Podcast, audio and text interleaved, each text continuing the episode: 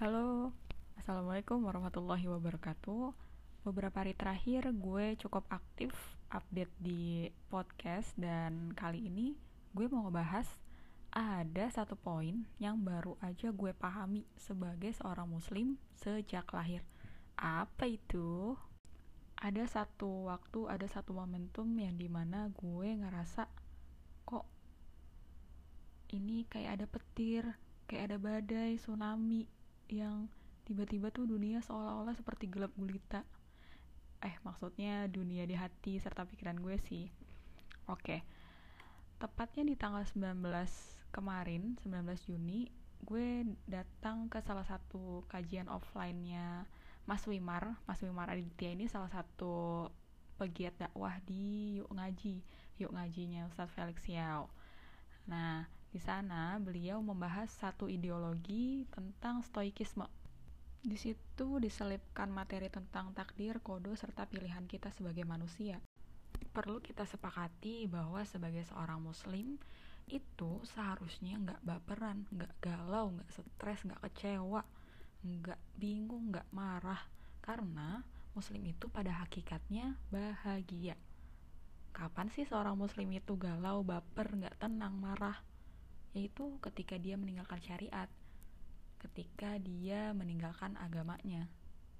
Dan pasti kalian setuju, setiap orang pernah mengalami suatu musibah, dan alhamdulillahnya gue salah satunya. Iya betul, karena saya adalah orang, karena saya adalah manusia, gitu. Responnya sih terhadap masalah itu masih nggak karuan ya, nggak karuan dalam arti masih marah, masih bingung masih kecewa. Kadang untuk diri sendiri bilang lu tuh seharusnya begini deal lu tuh seharusnya nggak begitu. Jadinya begini kan? Tapi baik lagi ya semua ini insya Allah bukan termasuk kesombongan. Ini tahadus bin nikmah jadi gue pengen sharing aja semoga ada manfaatnya berawal dari gue datengin kajian offline-nya Mas Wimar di salah satu masjid daerah Sudirman. Hmm, beliau di situ kan sedikit bahas soal takdir ya dari pemaparan materi stoikisme. Setelah pulang kajian, sehari setelahnya gue coba buat ngulik-ngulik tentang apa sih yang dimaksud kodo kodar pilihan kita sebagai manusia. Yang saat itu gue kepikiran nih apa ya korelasinya dengan kebahagiaan itu sendiri? Dan mulai lah tuh searching di YouTube kajiannya beliau. Ternyata masya Allah banget ini perihal konsep takdir kodo kodar itu benar-benar sebagai obat. Sebagai obat yang benar-benar nyembuhin. Sebetulnya banyak sih konsepnya tapi banyak konsepnya soal kita memandang suatu masalah kita melihat uh, apa pun itu sebagai suatu jalan menuju kebahagiaan. Tapi kali ini gue akan resum sedikit ya dari kajian Mas Wimar soal takdir dan kodo. Tentu ini rujukannya dari bahasan kita para ulama tentang takdir. Tapi nggak akan gue bahas spesifik karena gue bukan ahlinya. Jadi itu bisa dikembalikan lagi ke ustazah kalian, ke ustadz kalian, ke guru kalian. Gitu. Oke, bismillah. Yuk kita bahas. Kalian nyadarin gak sih beberapa bulan terakhir ini banyak banget isme-isme yang bertebaran di sosial media memang gue bukan salah satu pengguna aktif yang di mana gue mempunyai akun sosial media tapi gue sedikit banyak hmm, tetap up to date di sana. Nggak posting sih cuman up to date update aja di sana. Hmm, salah satunya stoikisme ini.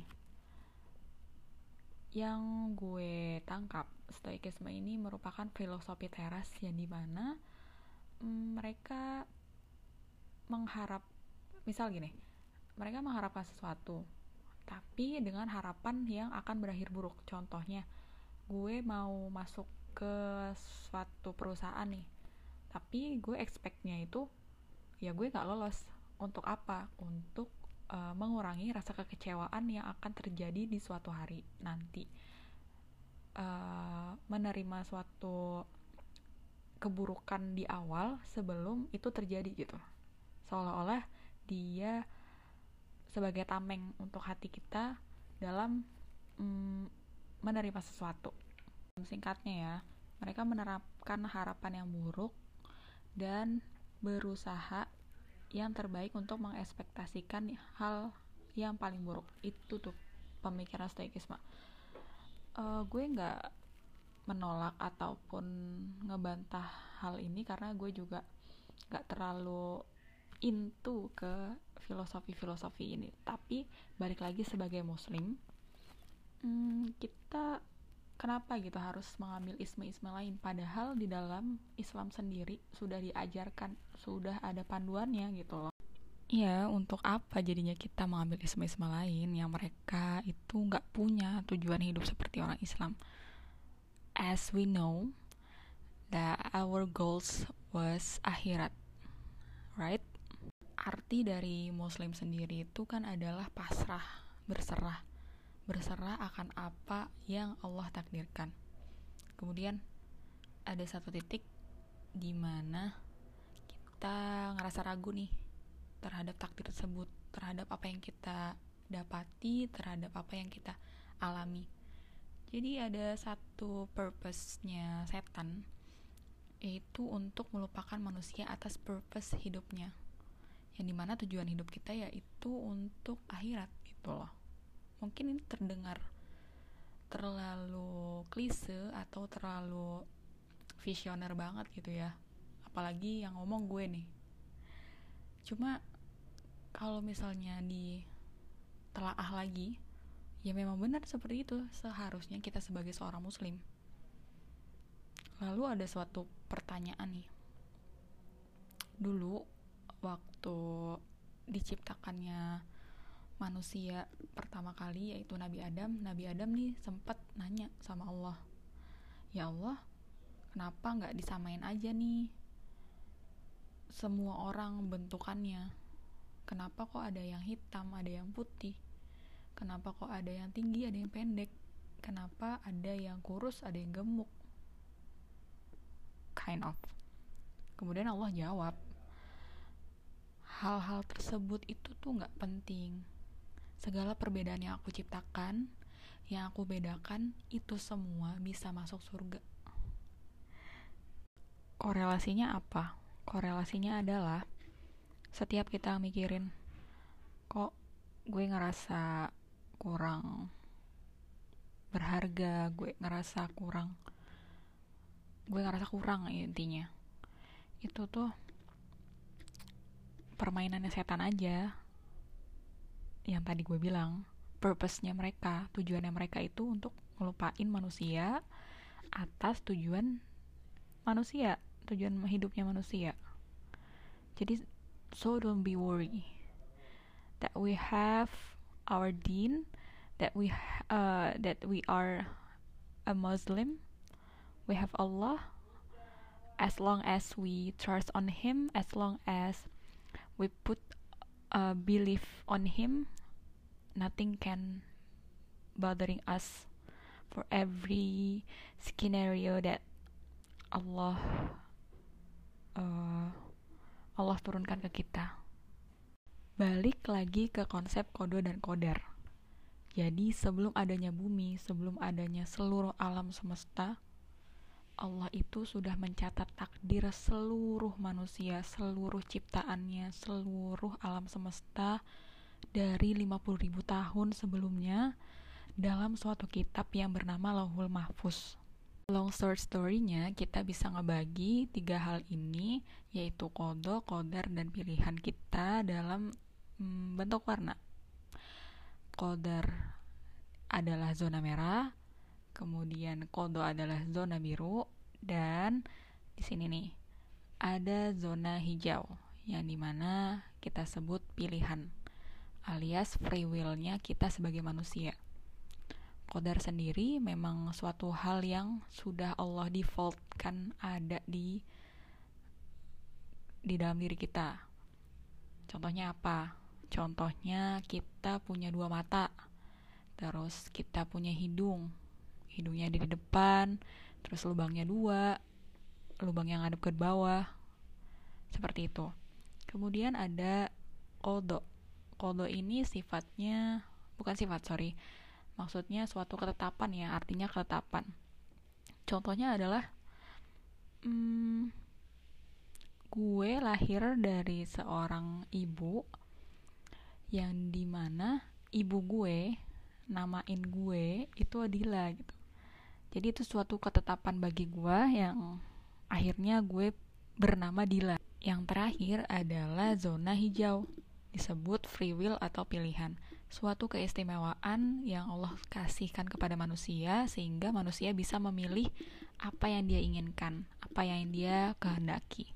Dalam hal ini untuk kodok serta kodar tidak akan dihisap oleh Allah karena sudah terdefault di dalam diri kita. Beda halnya dengan free will yang di mana itu suatu keistimewaan yang Allah kasih ke kita untuk memilih untuk memilih apa yang kita kehendaki. Contoh dari free will ini, misal gue pergi ke perpustakaan, gue lagi nyari referensi untuk skripsi gue, yang di mana skripsi ini membahas tentang glukosa di dalam darah. Ada dua buku di sana. Pertama tentang glukosa dalam darah, kedua tentang trigliserida dalam, dalam darah. Balik lagi ke judul yang gue ambil dalam skripsi, jadi gue harus memilih materi buku tentang glukosa dalam darah. Oke, paham ya sampai sini ya. Nah, dari pilihan yang gue pilih di perpustakaan tersebut, gue memilih buku referensi, hal itulah yang akan dihisap. Hal itulah yang akan dihitung kelak nanti di saat hari perhitungan. Seperti itu, teman-teman. Gue mau kasih satu contoh soal kodar. Ada satu anak kecil lagi naik sepeda, lagi belajar sepeda, kemudian dia jatuh, menimbulkan luka yang berdarah. Otomatis dia nangis dan dalam lukanya itu keluar darah yang mengalir. Kodarnya di mana tuh? Kodarnya ada di rasa sedih saat dia terjatuh dan uh, sobeknya kulit pada luka itu yang mengeluarkan darah. Nah, itu merupakan kodarnya, suatu ketetapan dan suatu keharusan yang ada di uh, yang ada pada manusia. Jadi, sebuah rasa sedih, kecewa, uh, sorry, sebuah rasa sedih, uh, marah, bahagia, happy, senang, itu su suatu kodar, suatu kodar yang Allah sudah tetapkan untuk kita. Gitu, teman-teman emang agak berlibet ya bertele-tele ini gue ngejelasinnya tapi semoga paham ya ya kemudian ketika kita diperlakukan suatu hal yang tidak mengenakan bagi kita dari orang lain itu kita harus memfokuskan diri atas respon kita terhadap hal itu. Contohnya gue dicaci maki gue dihina gue ditinggal gue dikecewakan gue dihianati. Di sini imbuhannya kan katanya di kata depannya di. Berarti itu suatu perbuatan orang ke diri gue paham ya sampai sini. Kemudian respon gue untuk uh, menghadapi hal tersebut gue harus apa nih? Harus mencaci balik kah harus meninggalkan juga kah harus mengkhianati balik kah nah dalam hal ini kita harus memfokuskan apa yang kita responkan, apa yang kita ingin perbuat untuk orang tersebut yang sudah melakukan hal itu ke kita.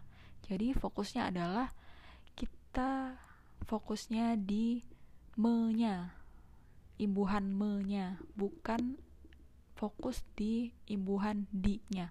Karena kalau kita fokuskan di imbuhan menya, itulah free willnya itulah pilihan kita dan itulah yang akan dihisap yang akan dihitung sementara perlakuan orang lain terhadap kita itu suatu ketetapan untuk kita tetapi itu tidak akan dihisap. Gitu. Spontanitas juga bakalan dihisap sih karena hasil didikan kita juga dan input kita. Makanya beberapa minggu terakhir ini gue benar-benar mensortir apa yang gue tonton apa yang gue dengar. Gue sebenarnya udah lama sih dari udah lama gue nggak nonton entah itu drama atau film. Cuma ada satu waktu di mana gue ya nonton karena emang gabut aja gitu loh. Nah eh, kata-kata gabut ini nih yang harus dialihkan dengan kegiatan yang lebih produktif gitu loh. Suatu kesalahan gue juga karena kegabutan gue diisi dengan hal-hal yang hmm, kurang baik lah ya seperti itu. Nah kalau ini kan suatu ketetapan yang udah Allah tetapkan. Jadi kita sebagai seorang muslim harus menerima itu. Contoh dari kodonya adalah yang tadi itu. Gue diberi nama Dila oleh oleh orang tua gue. Nah itu suatu ketetapan buat gue. Sehingga nama gue Dila. Gitu.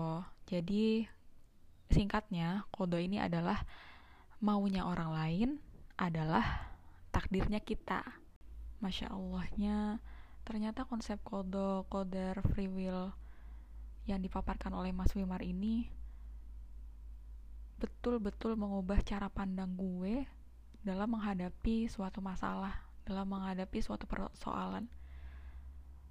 Jatuhnya itu gue dihadapi dulu nih sama suatu masalah, baru gue tahu teorinya, gue tahu uh, dari pemahaman ilmunya tuh seperti apa. Jadi istilahnya gue praktek dulu, baru tahu teorinya gitu. Dan itu masya Allah ngebuka banget cara berpikir gue dan insya Allah itu bakal jadi prinsip baru lagi renew prinsip yang sebelumnya mungkin udah ada tapi nggak aktif aja gitu. Pentingnya kita mengaji pentingnya kita bermajelis ilmu pentingnya kita dekat dengan orang-orang yang sefrekuensi dalam hal agama dalam hal ketaatan itu ya seperti ini. Kita bisa ngebooster diri untuk menjadi lebih baik terus menerus secara kontinu yang memang nggak bisa dina dinafikan juga sih ya. Manusia itu fluktuatif hatinya kadang naik kadang turun. Makanya itulah pentingnya kita juga harus doa. Allahumma ya muqallibal qulubi tsabbit qulubana ala dinik. Ya Allah yang membolak-balikan hati tetapkanlah hati ini di atas ketaatan agamamu ya Allah. Atau doa Rabbana la tuzigh qulubana ba'da idh hadaitana wa hab lana min ladunka rahmah innaka antal wahhab.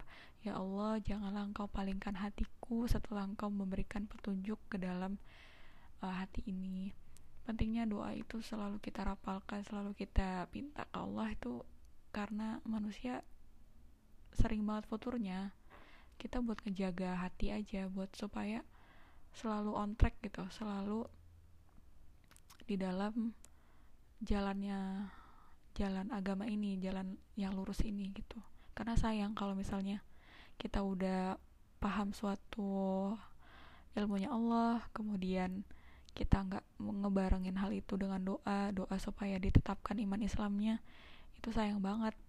Kayak kita ngelepasin hmm, ngelepasin hewan pelihara peliharaan kita yang udah kita rawat, udah kita jaga, udah kita kasih makan, udah kita sayang-sayang, ternyata suatu hal kita, dengan kecerobohan kita uh, hewan itu misal kuda kita nggak nggak ikat dia di suatu kayu, suatu penahan, terus kemudian si kudanya malah kabur. Nah semudah itu memang uh, apa ya semudah itu memang hatinya manusia untuk berubah-ubah untuk melepaskan hidayah manusia itu kan senantiasa dihadapi dengan kesusahan ditempati oleh Allah pada keadaan yang selalu susah makanya kita menganggap suatu permasalahan tuh kalau kata Ustadz Adi kalau misalnya manusia diberi suatu masalah jangan jadikan itu sebagai masalah. Jadikan itu sebagai acuan kita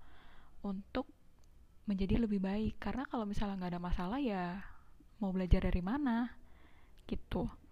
Dan kalau kita berkaca dengan diri berkaca ke diri sendiri nih yang kita lihat di kaca itu sebenarnya bukan diri kita loh gue lagi ngaca nih bentuk rupanya udah tahu seperti apa.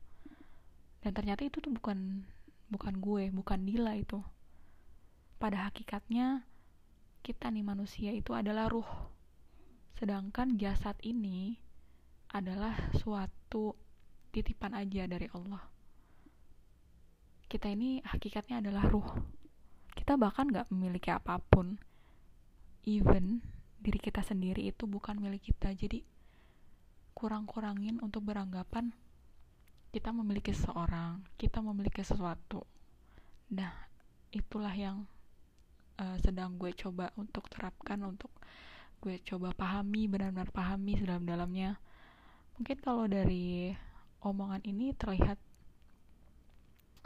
seperti wah gila lu udah keren banget sih uh, berpikir seperti itu enggak coy. Itu sebagai reminder aja. Sebagai reminder ke diri gue supaya um, bertawakal kepada Allah gitu. Untuk menyerahkan semuanya ke Allah tanpa mengesampingkan hal ikhtiar. Jadi kalau terjadi sesuatu ya udah tinggal di ya udahin aja gitu. Ya udahnya dalam artian itu berserah diri ke Allah tawakal. Itu bukan yang ya udah ya udah pasrah bener-bener pasrah gitu nggak menggantungkan ke Allah. Bukan seperti itu. Stoikisme sendiri kan dia menyandarkan kebahagiaan pada apa yang bisa dikontrol. Sedangkan Islam itu mencintai apa yang membuat pahala. Jadi mulailah mencintai amal soleh yang kita lakukan. Karena setiap masalah yang besar itu berpotensi mendapat pahala yang besar pula. Karena Islam pun juga nggak berpikir nikmat itu enak nggak nikmat itu nggak enak. Ya nggak begitu cara berpikirnya. Jadi dari sini aja udah ketahuan bahwa seorang muslim nggak mungkin baper nggak mungkin mbak galau. Coba aja lihat kasusnya. Misalnya ada yang keserempet mobil terus kecipratan air. Kesal apa enggak ya enggak dong justru bilangnya alhamdulillah ala kulihal kenapa? Karena cipratan air itu kan gak nimbulin pahala maupun dosa bagi kita. Tapi kalau misalnya kita mengeluh marah-marah itu justru bisa jadi dosa. Tapi kalau kitanya bersyukur maka bisa jadi pahala. Terus misal banyak yang muji nih ih cantik ya ih ganteng banget sih kamu ih masya Allah ya rambut kamu keren. Kok mata kamu juga indah banget dalam banget. Itu kita tuh nggak layak bangga. Nggak layak bangga juga kenapa? Karena itu takdir dari Allah. Karena kalian pun nggak pernah ngerancang ini sendirian nggak pernah ngerancang hal itu sejak lahir.